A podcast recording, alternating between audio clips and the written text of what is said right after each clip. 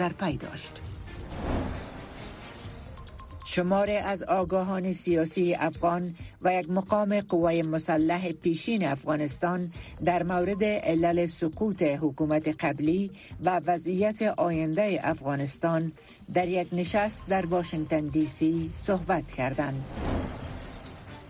و تلویزیون دولتی روسیه ویدیوی از دو اسیر امریکایی نزد روسیه در اوکراین را به نشر سپرد.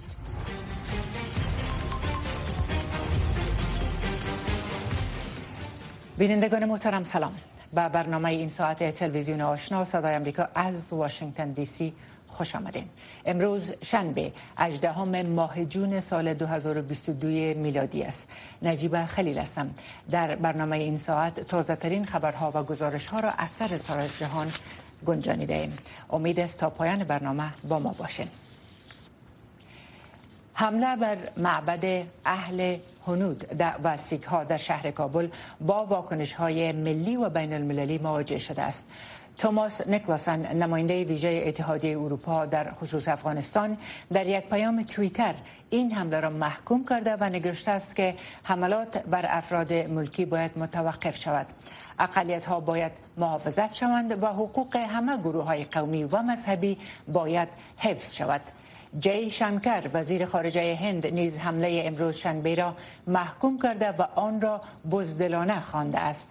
یونما دفتر معاونت سازمان ملل متحد در امور افغانستان ضمن تقبیه این حمله خواستار توقف فوری حملات بر غیر نظامیان در افغانستان شده است. حامد کرزی رئیس جمهور پیشین افغانستان عبدالله عبدالله رئیس شورای پیشین عالی مصالحه ملی و جبهه مقاومت ملی افغانستان نیز این حمله را محکوم کردند. شاهدان عینی می‌گویند پس از انفجار در عبادتگاه اهل هنود و سیک ها صدای شلیک اسلحه را شنیدند. ساعت 6 و 15 دقیقه بود که صدای فایر شد. با این نگاه کردیم که چوکیدار در امسال زده بودند که مرمی در قلبش بود زخمی افتیده بود. ما طالبا زوج فایر کردن سر دست دوستا سر زوا فایر کردن و داخل شدن. یک نفر بود و داخل در امسال شد. اگر داخل در امسال که شد پسان یا فیرکان یا فکس دو ساعت بعد موتربان اینجا انفجار کرد. دو فایر یک پنج دقیقه دوام داشت بعد از داخل یا رفته بودن. یک انفجار پیش می پلان منزل بود دیجا شده بود. باز یک انفجار و فایر شروع شده بود جنگ دوام داشت. بعد از دو انفجار که ما شاهد بودیم که ما خود ما دیدیم پیش داخل در امسال بود. وزارت داخله حکومت طالبان گفته است که حمله کنندگان عبادتگاه از پاد درآمده و در این رویداد دو نفر به شمول یک شهروند اهل هنود افغانستان و یک تن از افراد طالبان نیز کشته شدند.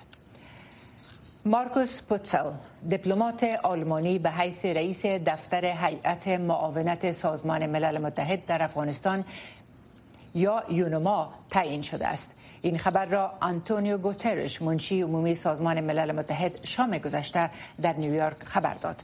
پوتسل که در سال 1965 به دنیا آمده سی سال به عنوان دیپلمات کار کرده و به حیث سفیر آلمان در افغانستان نیز اجرای وظیفه کرده است. او از سال 2014 تا سال 2016 سفیر آلمان در افغانستان بود و در سال 2017 نماینده خاص این کشور برای افغانستان و پاکستان تعیین شد و تا سال 2021 این وظیفه را ادامه داد. آقای پوتسل به چندین زبان به شمول دری روان صحبت می کند.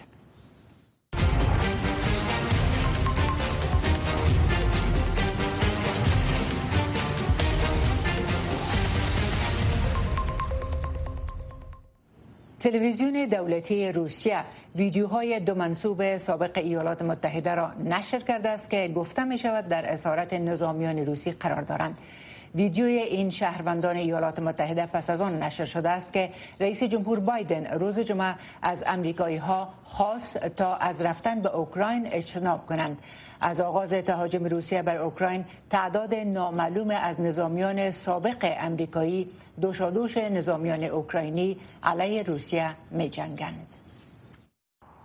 تلویزیون دولتی روسیه ویدیویی از دو داوطلب امریکایی که هفته گذشته در اوکراین نابدید شده بودند نشر کرده است که اسارت آنان را تایید و نگرانی ها درباره سرنوشت آنان را افزایش می دهد. الکساندر دورک 39 ساله و اندی تایهوین 27 ساله که هر دو منصوبین سابق اردوی ایالات متحده می باشند گمان می رود نخستین امریکایی های باشند که از زمان آغاز تهاجم روسیه بر اوکراین توسط نیروهای روسی اسیر شده اند. این دو که از ایالت آلاباما می باشند از تاریخ اشتم ماه جون به این سو هیچ نوع ارتباط با خانواده هایشان نداشتند. جو بایدن رئیس جمهور ایالات متحده امریکا روز جمعه گفت که در مورد امریکایی های ناپدید شده برایش وضاحت داده شده ولی افزود که در مورد موقعیت آنان خبر ندارد برایم وضاحت داده شده ولی نمی‌دانیم که آنان در کجا اند. می خواهم تکرار کنم در حال حاضر امریکایی ها نباید به اوکراین بروند. دوباره می گویم در حال حاضر امریکایی ها نباید به اوکراین بروند. آنان نباید به اوکراین بروند. رومن کوسارف یک تن از خبرنگاران روسی که با تلویزیون دولتی آرتی روسیه کار می کند در صفحه تلگرام ویدیوی دورک را که به نظر می رسد از یک دفتر صحبت می کرد نشر کرده است. در این ویدیو دورک از زنده بودنش اطمینان می دهد و ابراز امیدواری کرده است که دوباره به خانه برگردد. صفحه رسمی تلگرام تلویزیون آرتی مصاحبه با اندی را نیز نشر کرده که در آن او می گوید با دورک یک جا در نزدیکی شهر خارکیف اوکراین با نظامیان روسی می جنگیدند و پس از دست کشیدن از جنگ و پنهان شدن برای چندین ساعت خود را به روس ها تسلیم کردند. در عین حال ند پرایس سخنگوی وزارت خارجه ایالات متحده می گوید که واشنگتن از گزارش ها مبنی بر ناپدید شدن یک شهروند سوم این کشور در اوکراین نیز با خبر می باشد. گزارش ها در مورد یک امریکایی دیگر نیز وجود دارد که موقعیتش نامعلوم است. نمی توانم که در جزئیات این قضیه صحبت کنم با تاسف که در مورد جزئیات کامل این قضیه آگاهی نداریم. وزارت خارجه ایالات متحده روز پنجشنبه گفت که تا حال در مورد ناپدید شدن دویک و اندی با روسیه تماس نگرفته است. ولی وزارت خارجه روسیه گفته است که در قبال این دو شهروند ایالات متحده مسکو از هر اشاره از جانب واشنگتن در این مورد استقبال خواهد کرد. سید عزیز رحمان تلویزیون آشنای صدای امریکا واشنگتن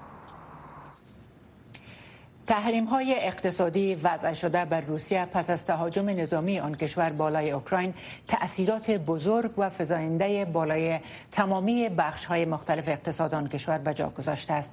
برای شهروندان عادی روسیه این تأثیرات باعث افزایش زیاد قیمت ها شده است. شرح بیشتر در این گزارش. قیمت مواد غذایی در فروشگاه های روسیه پس از تهاجم آن کشور بالای اوکراین 20 درصد افزایش یافته است. قیمت های هم اجناس و تولیدات بالا رفته است و تولیداتی که در غرب تولید می شود دیگر به روسیه صادر نمی شود کارشناسان می گویند وضعیت ممکن از این هم بدتر شود. تحریم ها دراز مدت خواهد بود. ماها نه بلکه سالها دوام خواهد کرد. درآمد برای مدت زیادی افزایش نخواهد یافت. مردم فقیرتر خواهند شد. تحریم های غرب تولید کنندگان روسی را با کمبود پرزجات و مواد دیگر مواجه کرده است. کارشناسان می‌گویند حجم فروشات در برخی از سکتورها چون صنعت موتر بیش از 80 درصد کاهش یافته است. وضعیت در روسیه دشوار است و به تدریج رو به وخامت می گراید به خاطر که بخش های از صنعت کاملا از فعالیت باز مانده است. ارقام رسمی مگر تصویر متفاوت را ارائه می دارد رئیس جمهور پوتین اخیرا از کاهش ارقام گزارش شده بیکاری در آن کشور تمجید کرد. می خواهم به رقم پایین بیکاری اشاره کنم. در ماه اپریل رقم بیکاری در روسیه به طور بی سابقه پایین بود. در ماه می ارقام افرادی که به طور رسمی بیکار ثبت شده اند نه تنها افزایش نیافت بلکه اندک کاهش یافت. درک بحران برای مردم عادی روسیه مخلوط از شک و تردید و نگرانی است. تورم تاثیرات واقعی خود را بر ما جا گذاشته است به خاطر که قیمت ها بسیار بالا رفته به خصوص قیمت دوا و مواد غذایی. قیمت مواد غذایی افزایش قابل ملاحظه یافته است. تاثیرات بر روسیه تاثیر زیاده ندارد. من نمی‌دانم در خارج از روسیه چه جریان دارد. در امریکا و اروپا تورم بسیار بالا است. طوری که اقتصاددانان پیش بینی می کنند به نظر می رسد که مردم عادی روسیه یک تابستان دیگر را با افزایش مداوم قیمت ها و فلج شدن برخی از ها به سبب کاهش تدارکات سپری خواهند کرد. مومن خان واحدی صدای امریکا واشنگتن. یونیسف یا صندوق وجهی سازمان ملل متحد برای کودکان تخمین می کند که تا ختم سال 2021 میلادی 36.5 میلیون کودک به خاطر جنگ، خشونت و سایر بحران ها از خانه هایشان بجا شدند. این ارقام از جنگ دوم جهانی به این سو بیشترین شمار بجا شدگان کودک را تشکیل می دهد. این رقم شامل 13.7 میلیون کودک پناهجو و درخواست دهندگان پناهندگی و نزدیک به 22.8 میلیون کودک دیگر است که با خاطر منازعات روان در داخل کشورهایشان بیجا شدند. این در حال است که کمیشنری عالی ملل متحد در امور پناهندگان می‌گوید که از ماه آگوست سال 2021 میلادی تا اکنون 250 هزار افغان به پاکستان مهاجر شدند این نهاد گفته است که در حال حاضر یک اشاری سه میلیون مهاجر در پاکستان ثبت شده و یک اشاری پنج میلیون دیگر ثبت نشدهاند در حالی که 250 هزار مهاجر دیگر از ماه آگوست سال گذشته میلادی به شماره آن افزود شدند. اردوی اسرائیل می‌گوید در انتقام از پرتاب میزایل توسط شبه نظامیان فلسطینی به سمت جنوب اسرائیل در اوایل روز شنبه به یک ساحه تولید تسلیحات حماس و دیگر اهداف در باریکه غزه حمله کرد. شدت یافتن تنش ها آرامش دو ماهه خشونت را که در امتداد دیواری و معانع بین غزه و اسرائیل حاکم است از بین می‌برد. اردوی اسرائیل همچنان گفت که سه پسته دیگر حماس را هدف قرار داده است اما جزئیات بیشتری درباره آن ارائه نکرد.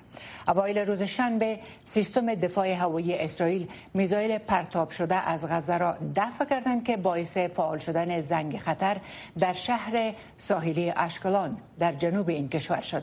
از طرفات جانی گزارش نشده است و تا کنون هیچ گروه فلسطینی مسئولیت پرتاب آن میزایل ها را به عهده نگرفته است. اسرائیل معمولا گروه شبه نظامی حماس را مسئول هر گونه خشونت ناشی از مناطق ساحلی تحت کنترل خود می‌داند. یک خبرنگار سوری که با صدای امریکا همکاری می کند به دلیل بمباران شهر زادگاهش مجبور و فرار شده بود.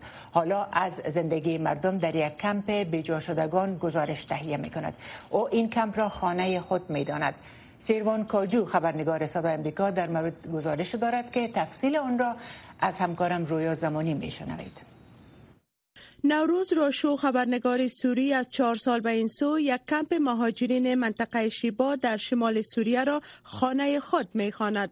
زمانی که تانک های ترکی در سال 2018 به شهر افرین حمله کردند این خبرنگار همراه با خانوادهش چاره دیگری نداشت جز این که مانند هزاران تن دیگر برای نجاتش به جای امن فرار کند اما در این درگیری ها و پدر و خانه خود را از دست داد در حال حاضر راشو در یک کمپ بیجا شدگان جنگ زندگی می کند. مرگ پدرم باعث شد که من این را درک کنم خبرنگاری چقدر مهم است. این باعث شد که من بفهمم چگونه خبرنگاری تحت همچو شرایط بخش از خود گزارش ها می شود خبرنگاران قربانی هم می باشند فهمیدم که خبرنگاری برای افراد مثل من بیشتر از یک کار است. راشو که سی یک سال است روزهای خود را صرف گزارش دهی در مورد زندگی اطرافیانش برای صدای امریکا و سایر رسانه های خبری سپری می کند. یکی از چیزهایی که باعث شد تصمیم بگیرم در کم بمانم و خبرنگاریم را از سر بگیرم این بود که خودم همان مشکلات را تجربه کردم که سایر بجا شدگان با آن مواجه هستند دیدم که هنوز هم داستانهای زیادی وجود دارد که باید گفته شود و با جهانیان شریک شود. راشو به هر تعدادی که گزارش تهیه می کند به همان اندازه اثرات آن را بر زندگی مردم دیگر احساس می کند. این خانم گزارشگر در سال 2019 در مورد شخص تبل نوازه که جراحت دائمی ناشی از بم بر بدن داشت گزارش را تهیه کرد. وقتی دیگران آن را دیدند وی را تشویق نموده و او را ترغیب نمودند تا آن را در همین کمپ نشان دهد. اما تهیه خبر و گزارش به عنوان یک بیجا شده خالی از آزمون ها نیست. خبرنگاران مانند راشو اغلب فاقد جای و یا تجهیزات کافی می باشد. باشند. کمیشنری عالی سازمان ملل متحد در امور پناهجویان می‌گوید که دسترسی به اطلاعات و توانایی برقراری ارتباط بیجا شدگان با جهان یک امر ضروری است. کریس بوین سخنگوی این سازمان می‌گوید فکر می کنم که واقعا هیچ چیز قوی تر از این نیست که یک شخص واقعیت را بیان کند که خودش از آن جان به سلامت برده و در مورد آن گزارش می دهد. کمیشنری عالی سازمان ملل متحد در امور پناهجویان می‌گوید که بیش از 100 میلیون نفر در تمام جهان بیجا شده هستند که از آن جمله 5000 آن در کمپ به می‌برند که راشو در آن زندگی می نماید اما بویان می‌گوید که یو و شرکای آن سازمان به این افراد کمک و حفاظت فراهم می کنند و با آنها فرصت می دهند تا روایت های خود را بیان کنند. برای راشو رساندن صدای آوارگان جنگ به گوش جهانیان چیزی است که به او انگیزه می دهد تا بیشتر به کار خود ادامه دهد. رویا زمانی تلویزیون آشنا. بینندگان عزیز نشرات تلویزیون آشنا صدای امریکا ساعت هفت شام به وقت افغانستان آغاز می شود تماشای برنامه خبری تلویزیون آشنا صدای امریکا را ساعت هفت شام از طریق ماهواره یاست Y1A در کانال 469 وبسایت و سایر شبکه های دیجیتالی صدای امریکا فراموش نکنید. با چشمانداز تاریک اقتصادی در افغانستان و احساس عدم اطمینان در مورد آینده جوانان افغان به طور فزاینده با مشکلات سلامت روانی دست و پنجه نرم می کنند و به افسردگی دچار می شوند سهر اینی گزارش می دهد. فریدون لطفر همیشه می‌خواست به عنوان کارمند روابط عمومی در یک نهاد دولتی افغانستان کار کند اما بازگشت طالبان به قدرت در سال گذشته باعث شد که این جوان 23 ساله در اتاقش حبس شود. لنگان لنگان قدم برمی داشتن به طرف آینده بهتر. کار، تحصیل، جامعه برابر جامعه انسانی تر و دموکراتیک. ولی امین که لنگان لنگان شروع برکت کردن پایشان قطع شد. امیدشان قطع شد. و این جلسه که امید برشان خطرناک میشه چگونه ما شکست روحی خوردیم تمام جوانایی که در زرده سینی ما قرار دارن رادفر که در شش ماه اخیر با افسردگی دست و پنجه نرم می کند بیشتر وقت خود را در اتاقش با کتاب خواندن می گذراند و به سختی بیرون می رود. او در رشته ارتباطات و پلیسی عمومی تحصیل کرده و سال گذشته از دانشگاه بلخ فارغ شده است. مانند بسیاری از جوانان افغان امروز رادفر برای سازگاری با زندگی تحت حکومت طالبان مشکل دارد. بازگشت این گروه به قدرت پس از 20 سال افغانها را با چالش های زیادی از جمله مسائل اقتصادی و احساس عدم اطمینان روبرو کرده است. ما وقتی نمی‌فهمیم کدام طرف روان هستیم گم میشیم. و گم میشیم یعنی چی؟ افسرده میشیم. استراب می‌گیره دچار دخانیات میشیم. مسئولان شفاخانه صحت روانی ولایت بلخ می‌گویند که تعداد بیمارانی که با مشکلات روانی مانند اختلالات روانی پس از جنگ دست پنجه نرم می کند نسبت به سال گذشته به شدت افزایش یافته است.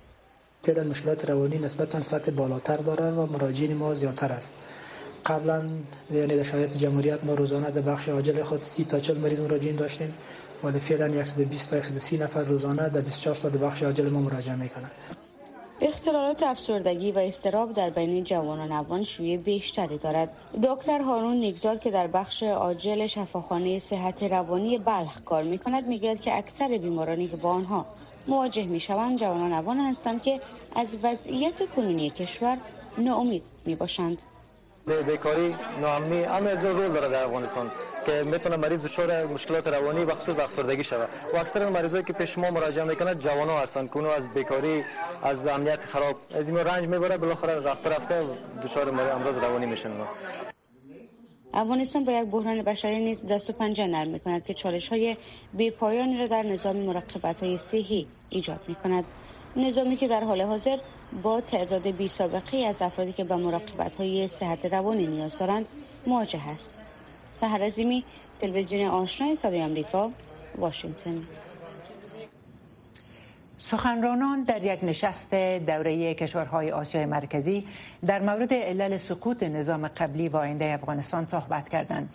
این نشست توسط نهاد کمکا در واشنگتن دی سی با حضور کارشناسان در امور افغانستان و اشتراک کنندگان از کشورهای آسیای مرکزی به روز پنجشنبه 16 جون برگزار شد. همکارم فرخنده پیمانی از این نشست گزارش تهیه کرده که با هم می‌بینیم. جنرال هبت الله علیزی لوی درستیز قوای مسلح حکومت پیشین افغانستان در جریان سخنرانیش در این نشست گفت که در جریان جنگ با طالبان در سالهای قبل در زمان جمهوریت وقتی از عملیات در مقابل طالبان صحبت می شد از مقام های امریکایی و افغان تماس های مبنی بر توقف جنگ در برابر طالبان دریافت می کردند. مقامات امریکایی می گفتند که جنگ با طالبان مغایر با توافق دوحه است او معتقد است که عمدهترین علل سقوط نظام قبلی توافق دوحه بوده است.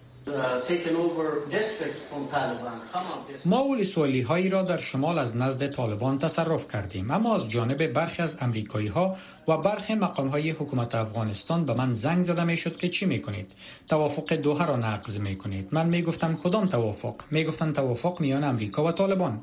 خوب معلوم دار که این توافق میان امریکا و طالبان است. پس من چرا عملیات را متوقف سازم اگر عملیات را توقف دهم طالبان بر پوسته های من حمله می کنند و بر افراد من تلفات وارد می کنند آقای علیزای به صدای امریکا گفت که اشتباه او قبل از سقوط نظام عدم اعلان حکومت نظامی بود که ممکن از به میان آمدن وضعیت فیلی در افغانستان جلوگیری می کرد. شعیب ابراهیم استاد دانشگاه امریکایی افغانستان و عضو شبکه کمکا در ایالات متحده در این نشست توافق دوحه را یکی از علل سقوط حکومت پیشین افغانستان دانسته و افزود که افغانها هیچ گونه نقشی در آن نداشتند. فکر می کنم احساسات داخل کشور را که جنرال علیزی بیان کرد این است که این پروسه صلح به یک نوع سلاح تبدیل شد و علیه نیروهای مسلح افغانستان استفاده شد که بالاخره منجر به فروپاشی نظام گردید. نیلوفر سخی استاد دانشگاه جورج واشنگتن در امور بین الملل و یکی از فعالین حقوق بشر و توسعه افغانستان در واشنگتن در این نشست گفت که سقوط نظام قبلی افغانستان نشان دهنده تراژدی افغان ها بوده و برای آینده بهتر افغانستان تعامل مشروط امریکا و دیگر کشورها با طالبان ضروری می باشد. این مردم هستند که شرایط را تغییر می دهند. بنابراین جامعه جهانی باید بالای آنها سرمایه گذاری کند و فکر می کنم آموزش مهمترین عنصر برای هدف قرار دادن این موضوع در حال حاضر است. هر آن زمانی که یک سیستم رادیکال و یک تاز در قدرت باشد تلاش می شود تا نیروهای داخلی که مردم هستند را بسیح کنند و این نیروهای داخلی عامل فروپاشی این گونه نظام های تمامیت خواه بوده می تواند و این در گذشته ها ثابت شده است. ولی جنرال علیزی برخلاف نظریات دیگر سخنرانان که مخالف گفتگو و مذاکره با طالبان بودند به صدای امریکا گفت که او هنوز هم به این گزینه امیدوار است و ادامه جنگ در افغانستان را گزینه خوبی نمی‌داند. آغاز کار طالب از جنگ کرد که نتیجهش بازم جنگ است. همین مقاومت اگر در یک ولسوالی است در یک ولایت است در یک سمت در یک سمت است این نتیجه جنگای طالب بود و آمدن زور طالب بود. اینال اگر باز هم ما به جنگ بریم به افغانستان و جای را بگیریم باز هم جنجال سر قدرت تقسیم قدرت باشه. جنجال بالای شیوی حکومتداری باشه. فکر نمی کنین که 40 50 سال دیگه همی جنگ خود دوام بکنه و کت خود باید ما محاسبه کنیم و فکر داشته باشیم که آیا ما موضوعات شخصی باید حل بکنیم؟ و یا در مورد مردم افغانستان که حدود 35 40 میلیون نفوس است در مورد از وا فکر بکنیم این در حالی است که دفتر سرمفتش ایالات متحده برای بازسازی افغانستان یا سیگار با نشر گزارش به تاریخ هفدهم ماه می گفت که تصامیم دونالد ترامپ رئیس جمهور پیشین ایالات متحده و جو بایدن رئیس جمهور کنونی این کشور مبنی بر خروج کامل نیروهای امریکایی از افغانستان بزرگترین عامل سقوط نظام و فروپاشی قوای مسلح افغانستان بوده است. فرخنده پیمانی تلویزیون آشنا صدای امریکا واشنگتن روک و راست. صحبت های داغ صاحب نظران در مورد خبرها و مسائل روز هر شام از ساعت 8 تا 9 شب در برنامه مشترک دری و پشتوی رادیو آشنا صدای امریکا. بخش زنده این برنامه را در نشرات ماهواره صدای امریکا نیز دنبال کرده می توانید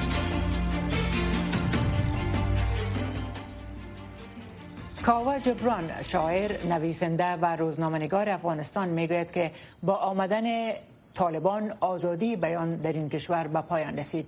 او که در حال حاضر در فرانسه پناهنده شده و منتقد سرسخت طالبان بوده است می‌گوید که امارت طالبان با روی کرده که دارد عمر دراز نخواهد داشت.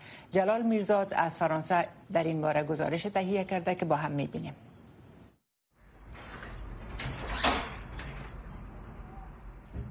در دور اول طالب سقوط کرد. ما 17 سال داشتم و از مکتب فارغ شده بودم و تصمیم داشتم برم به دانشگاه.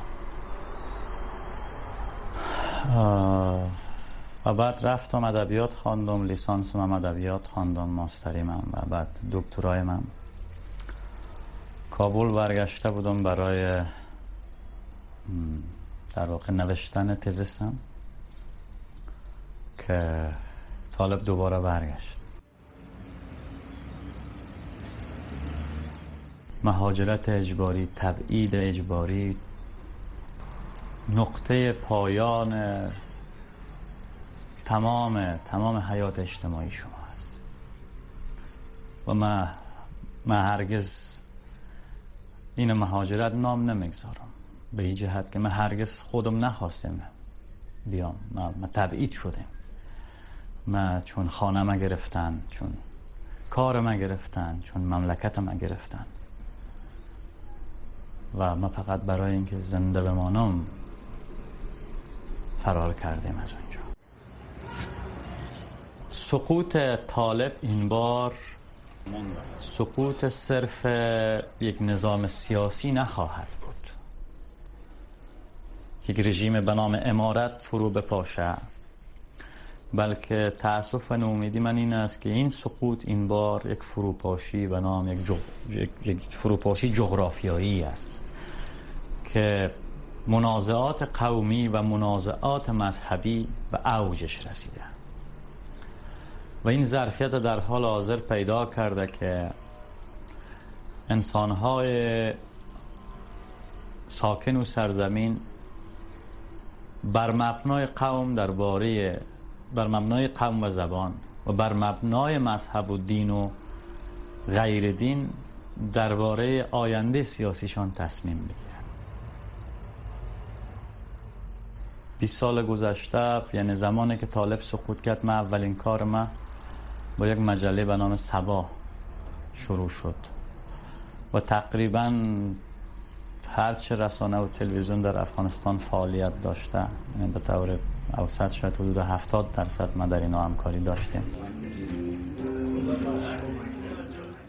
به طور مطلق چیز دیگه ما به نام آزادی بیان و آزادی رسانه و و, و آزادی گردش اطلاعات و دسترسی به اطلاعات در رژیم به نام رژیم طالبان نداریم از ما پنج عنوان کتاب تا به حال منتشر شده سه تا سه دفتر شعر است دو تا رمان است.